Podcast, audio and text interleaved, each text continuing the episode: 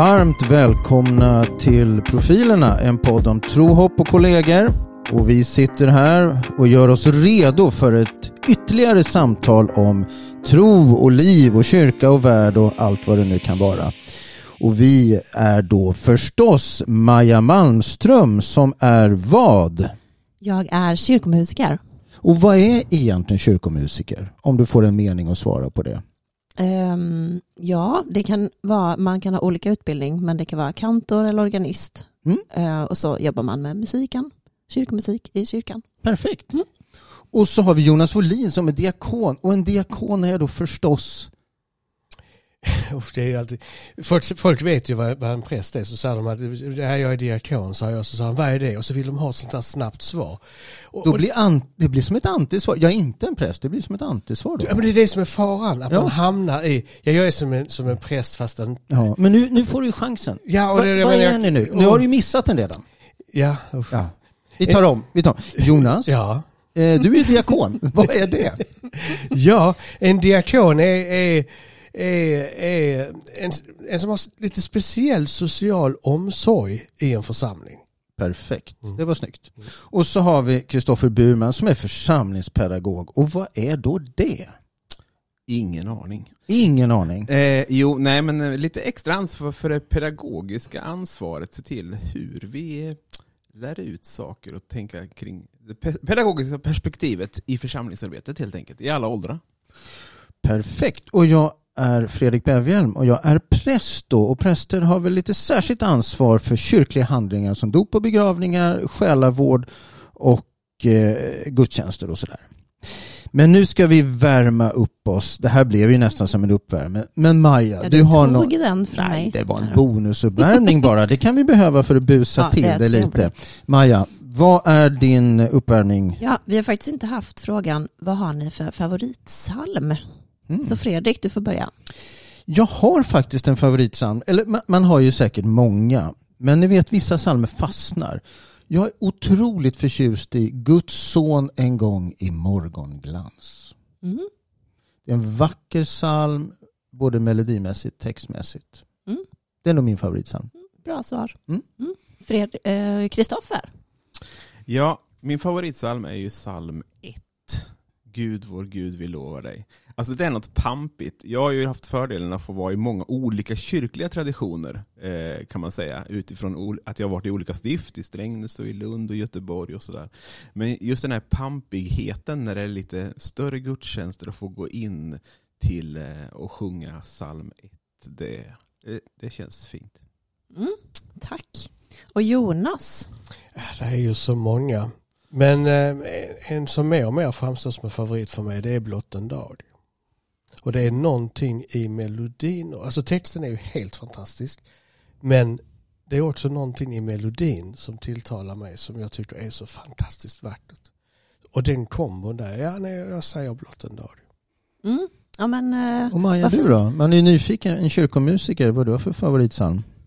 Ja, jag tycker det är jättesvårt för det beror ju helt och hållet på vilken tid man är.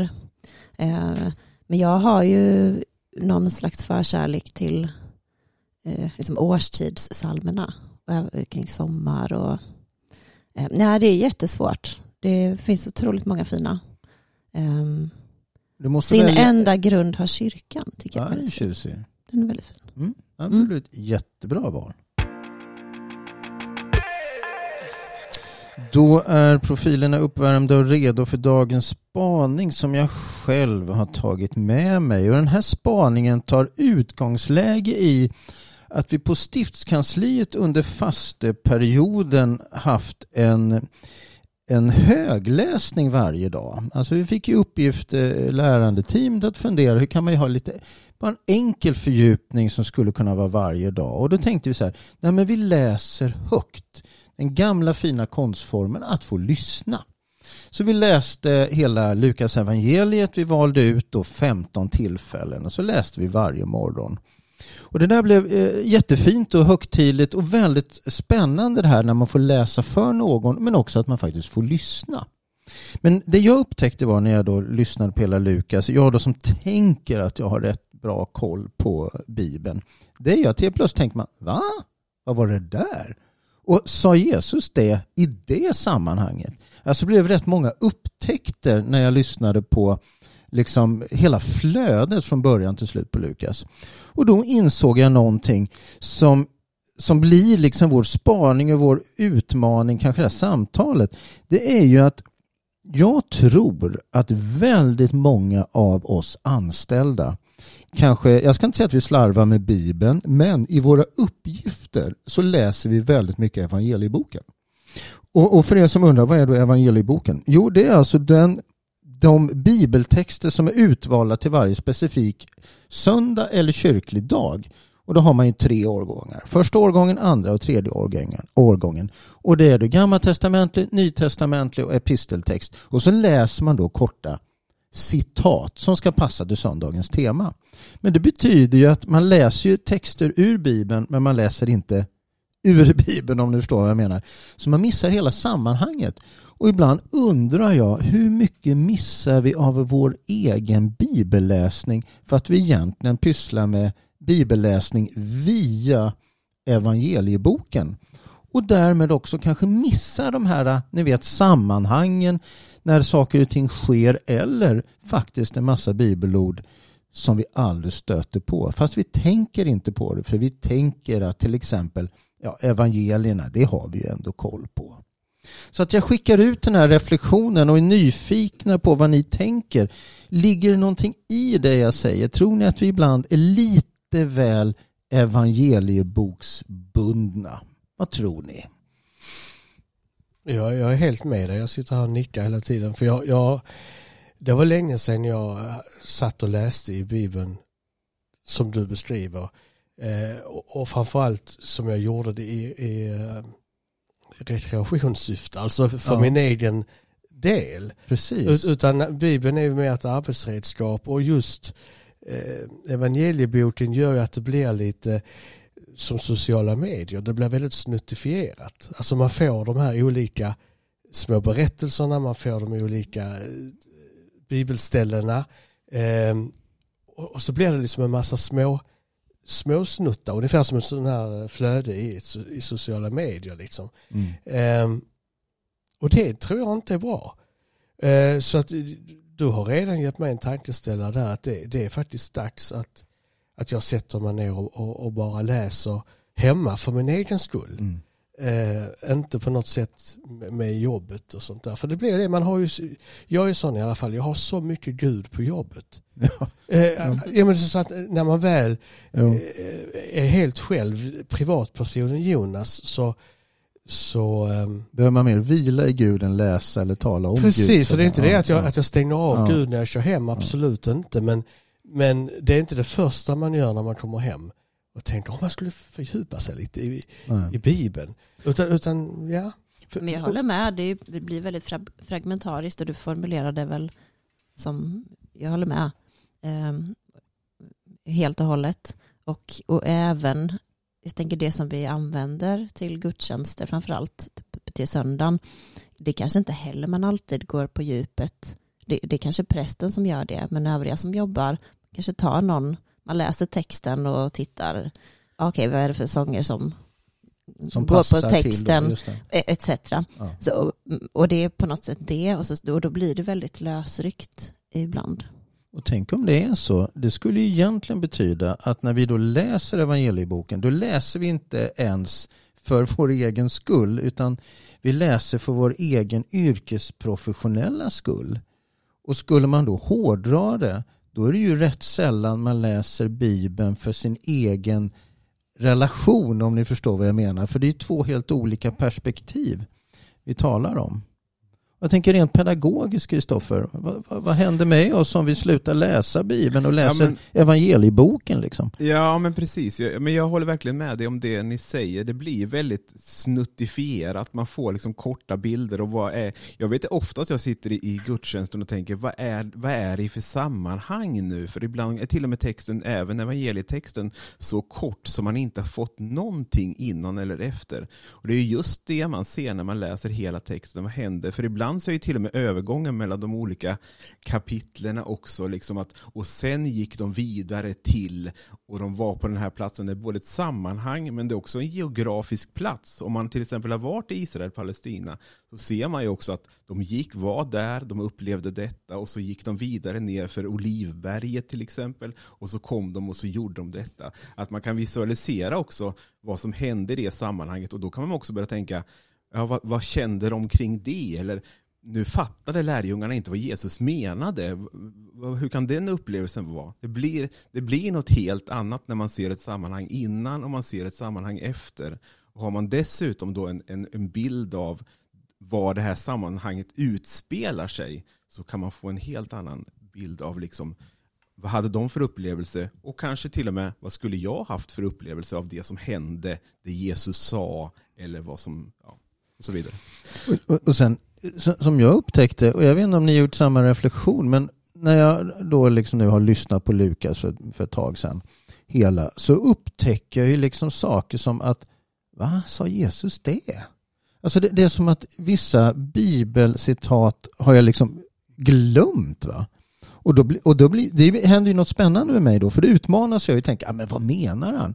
Men det andra som jag slogs av, det var när man liksom hörde läst eller läser det själv, hur delar av, då, det här var Lukas evangeliet, men jag tror det är generellt som evangelien också, att det blir liksom fragmentiserat.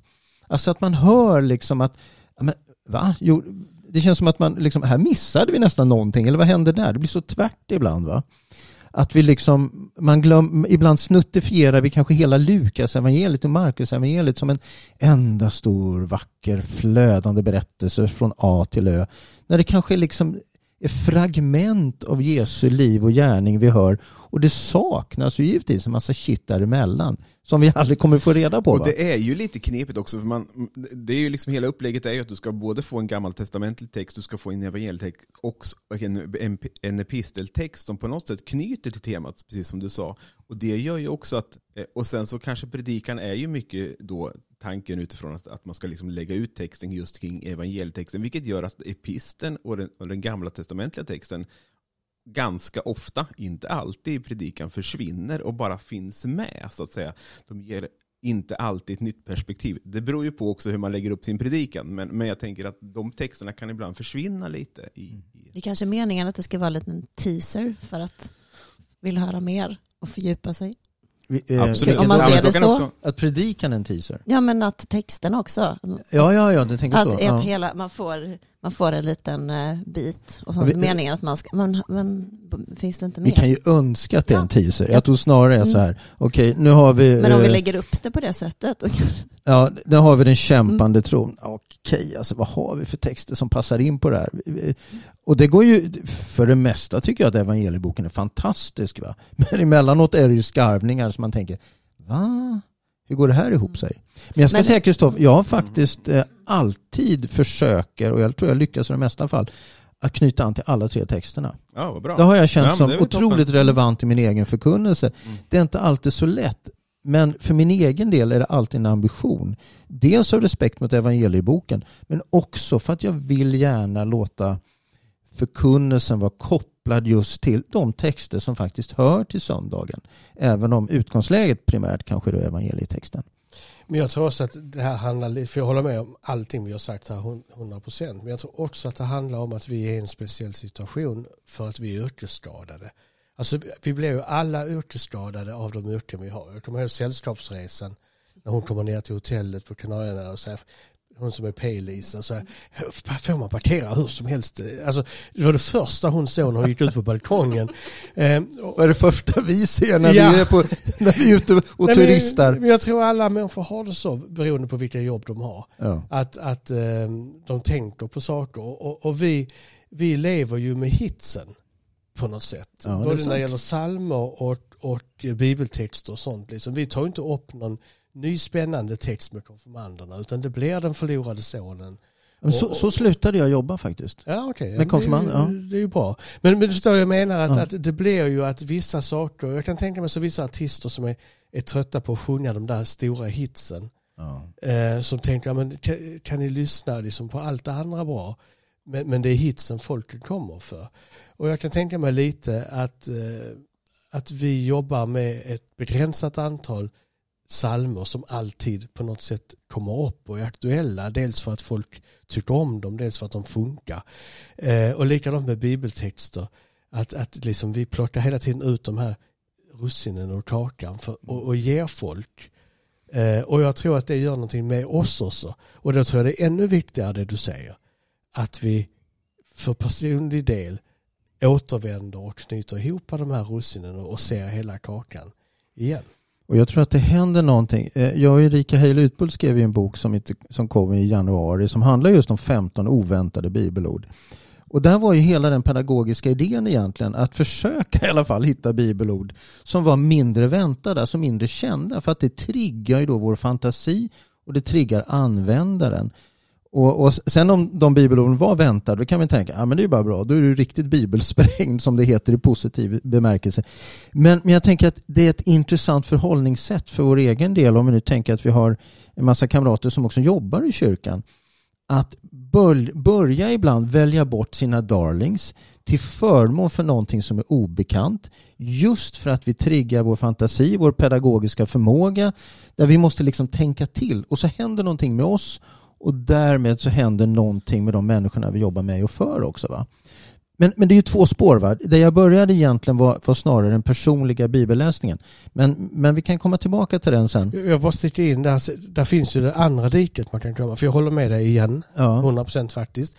Men där finns det andra diket också. Det är att vi kastar ut saker för att vi är, är trötta på det. Till exempel Ja, det jobbar, har man jobbat med konfirmander som jag i, i 35 år. Eh, det är som, du vet väl om att du är värdefull.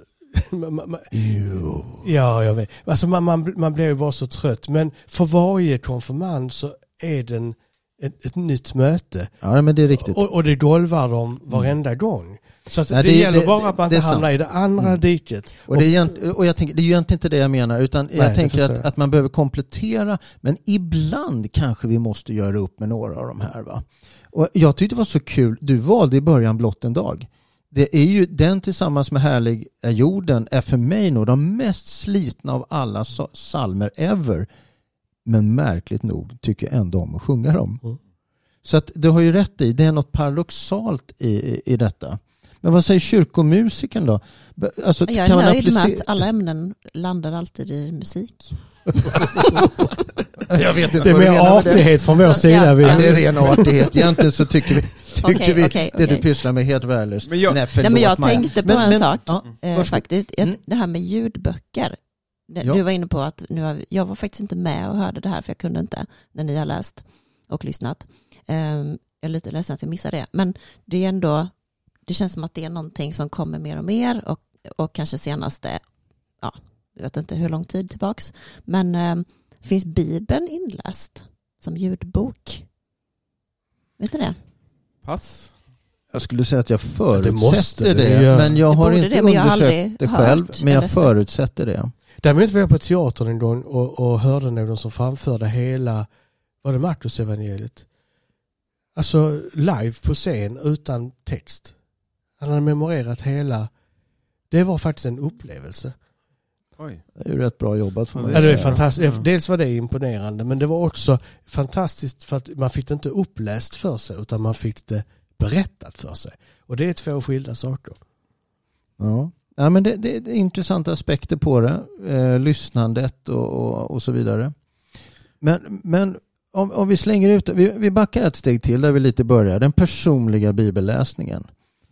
Hur, hur, tror ni, hur tror ni det är ställt med den med Svenska kyrkans anställda? Nu vet ju inte vi, så vi siar. Men tror ni att det är lite som du var inne på Jonas, att vi, vi är lite yrkesskadade. Det är så himla mycket text och kopplingar hela tiden att vi inte alltid har ork rent privat kanske då att slå upp Bibeln och läsa. Jag har ingen aning. Vad tror ni? Nej, men jag tror inte riktigt att man kanske gör det om man inte avsätter tid. Kanske mer att man gör det under vissa perioder. Att man tänker, ja, men min utmaning lite, till exempel under fastan, att kanske läsa lite mer liksom, sammanhängande bibelberättelser kan jag tänka mig. Ehm, Jag tror- till er lyssnare som undrar, fasta har vi då i två perioder i kyrkan. Vi har det alltså innan påsk, vi har det innan jul. Så två perioder av ett par veckor per gång per år då. Det hade man ju kunnat tänka sig en bra fasteläsning. Men det är rätt mycket tid kvar då på året va?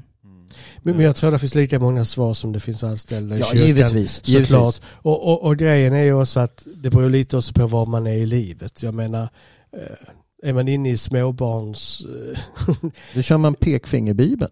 Ja, pekbibeln, Ja, den är vad bra. heter den? Eh, Pekfinger heter den ju inte, pekbibeln. Jag tror den är så söt för han är så glad Jesus när han Ja, hänger där är på korset. Ja, Men, men i alla fall, eh, nej men jag tror att det, och, och jag tror att det, det finns en sån risk för skuldbeläggning tyvärr. Mm. I, i, det här med präktighet och, och, och, och en, jag har blivit uppläxad många gånger i min blogg av, av människor som just, alltså jag kan blogga om någonting eh, helt annat. Eh, alltså en, inte en bibelstudieblogg.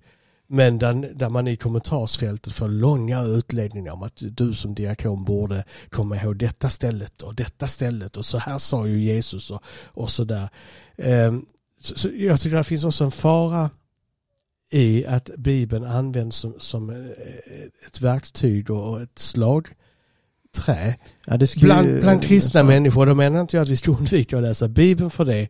Men, men eh, ja, det blev ett sidospår här. Ja. Men jag nej, tror man ska... nej men det är väl riktigt. Bibeln ska vara ett verktyg för kärlek givetvis. För, för evangeliet, inte för att trycka till om man nu... Jag tänker också att det kanske får ett litet uppsving när det kommer nya varianter där man jobbar med bibeltexten på ett nytt sätt. Där man till exempel har gjort anteckningar, där man kanske får hänvisningar till musik eller något annat som får nya ingångar i konfirmandarbetet. Det kommer kanske när, barnens bästa bibel, jag vet inte om man kan göra reklam här, men, jag tänker att just i de sammanhangen där man jobbar mycket med bilder och text ihop så tror jag faktiskt att bibeltexterna fick lite ett uppsving också att man jobbade mer aktivt med det, i alla fall ur pedagogisk synvinkel. Liksom att man, hur kan vi jobba med texten? Barn kunde själv läsa bibeltexten och själv eh, inte någon annan läste för dem. Och då får liksom bibeltexterna och liksom berättelserna lite ett uppsving och sådär. Så i de sammanhangen tror jag att det kan... Men jag kommer ihåg när jag pluggade först till församlingsassistent så var det någon som hade varit hemma om på sommaren och sommarjobbat i sin församling och så kom han tillbaks med en, en rulle med klistermärken eh, Eh, som det stod innehåll kallelse. Och det var som man satte på, på breven när man skickade till eh, de som kallades till kyrkorådsmöte och sådär. Men de spred vi där och satte i våra biblar. Innehåll kallelse. Eh, just det, själva grundgrejen med Bibeln tycker jag ju också just det att den innehåller en kallelse. Eh, någonstans i Bibeln har jag hittat min kallelse och då, på, det har påverkat hela mitt liv och mitt yrkesval. Och någonstans är det ju det viktigaste, att man, att man greppar själva helheten. Sen måste man fylla på. Och där tror jag vi är dåliga och där håller jag med dig igen. Jag ska faktiskt Booms hem och, och börja läsa lite. Och, och, och du har ju väldigt, givetvis, du har ju väldigt rätt i det. Och, och det du sa innan också, att när vi talar om det nu, jag är säker att jag talar för alla, vi, det, är ju, det är ju inte så att vi vill på något vänster skuldbelägga, utan snarare uppmuntra så att vi kan glädjas tillsammans av den här fantastiska och utmanande bok som Bibeln är. Va? Det är ju trots allt fundamentet för oss. Så att vi, vi hoppas kära lyssnare att eh, det här samtalet idag kanske kan bli en, en lite sådär, ah, men jag blir sugen på att läsa. Vad ska jag läsa för någonting? Vi har nått lite avrundning och det gick väldigt fort när vi talade om vårt kära gamla och framtida ämne bibel och bibelläsning. Om vi har kommit fram till någonting idag, ja, vem vet? Men det vi är säkra på att vi fyra har en stor kärlek till Bibeln och hoppas att ni där ute har detsamma. Och vi hoppas att ni också kan kanske ta lite extra tid nu i vår att läsa någonting för din egen insida skull.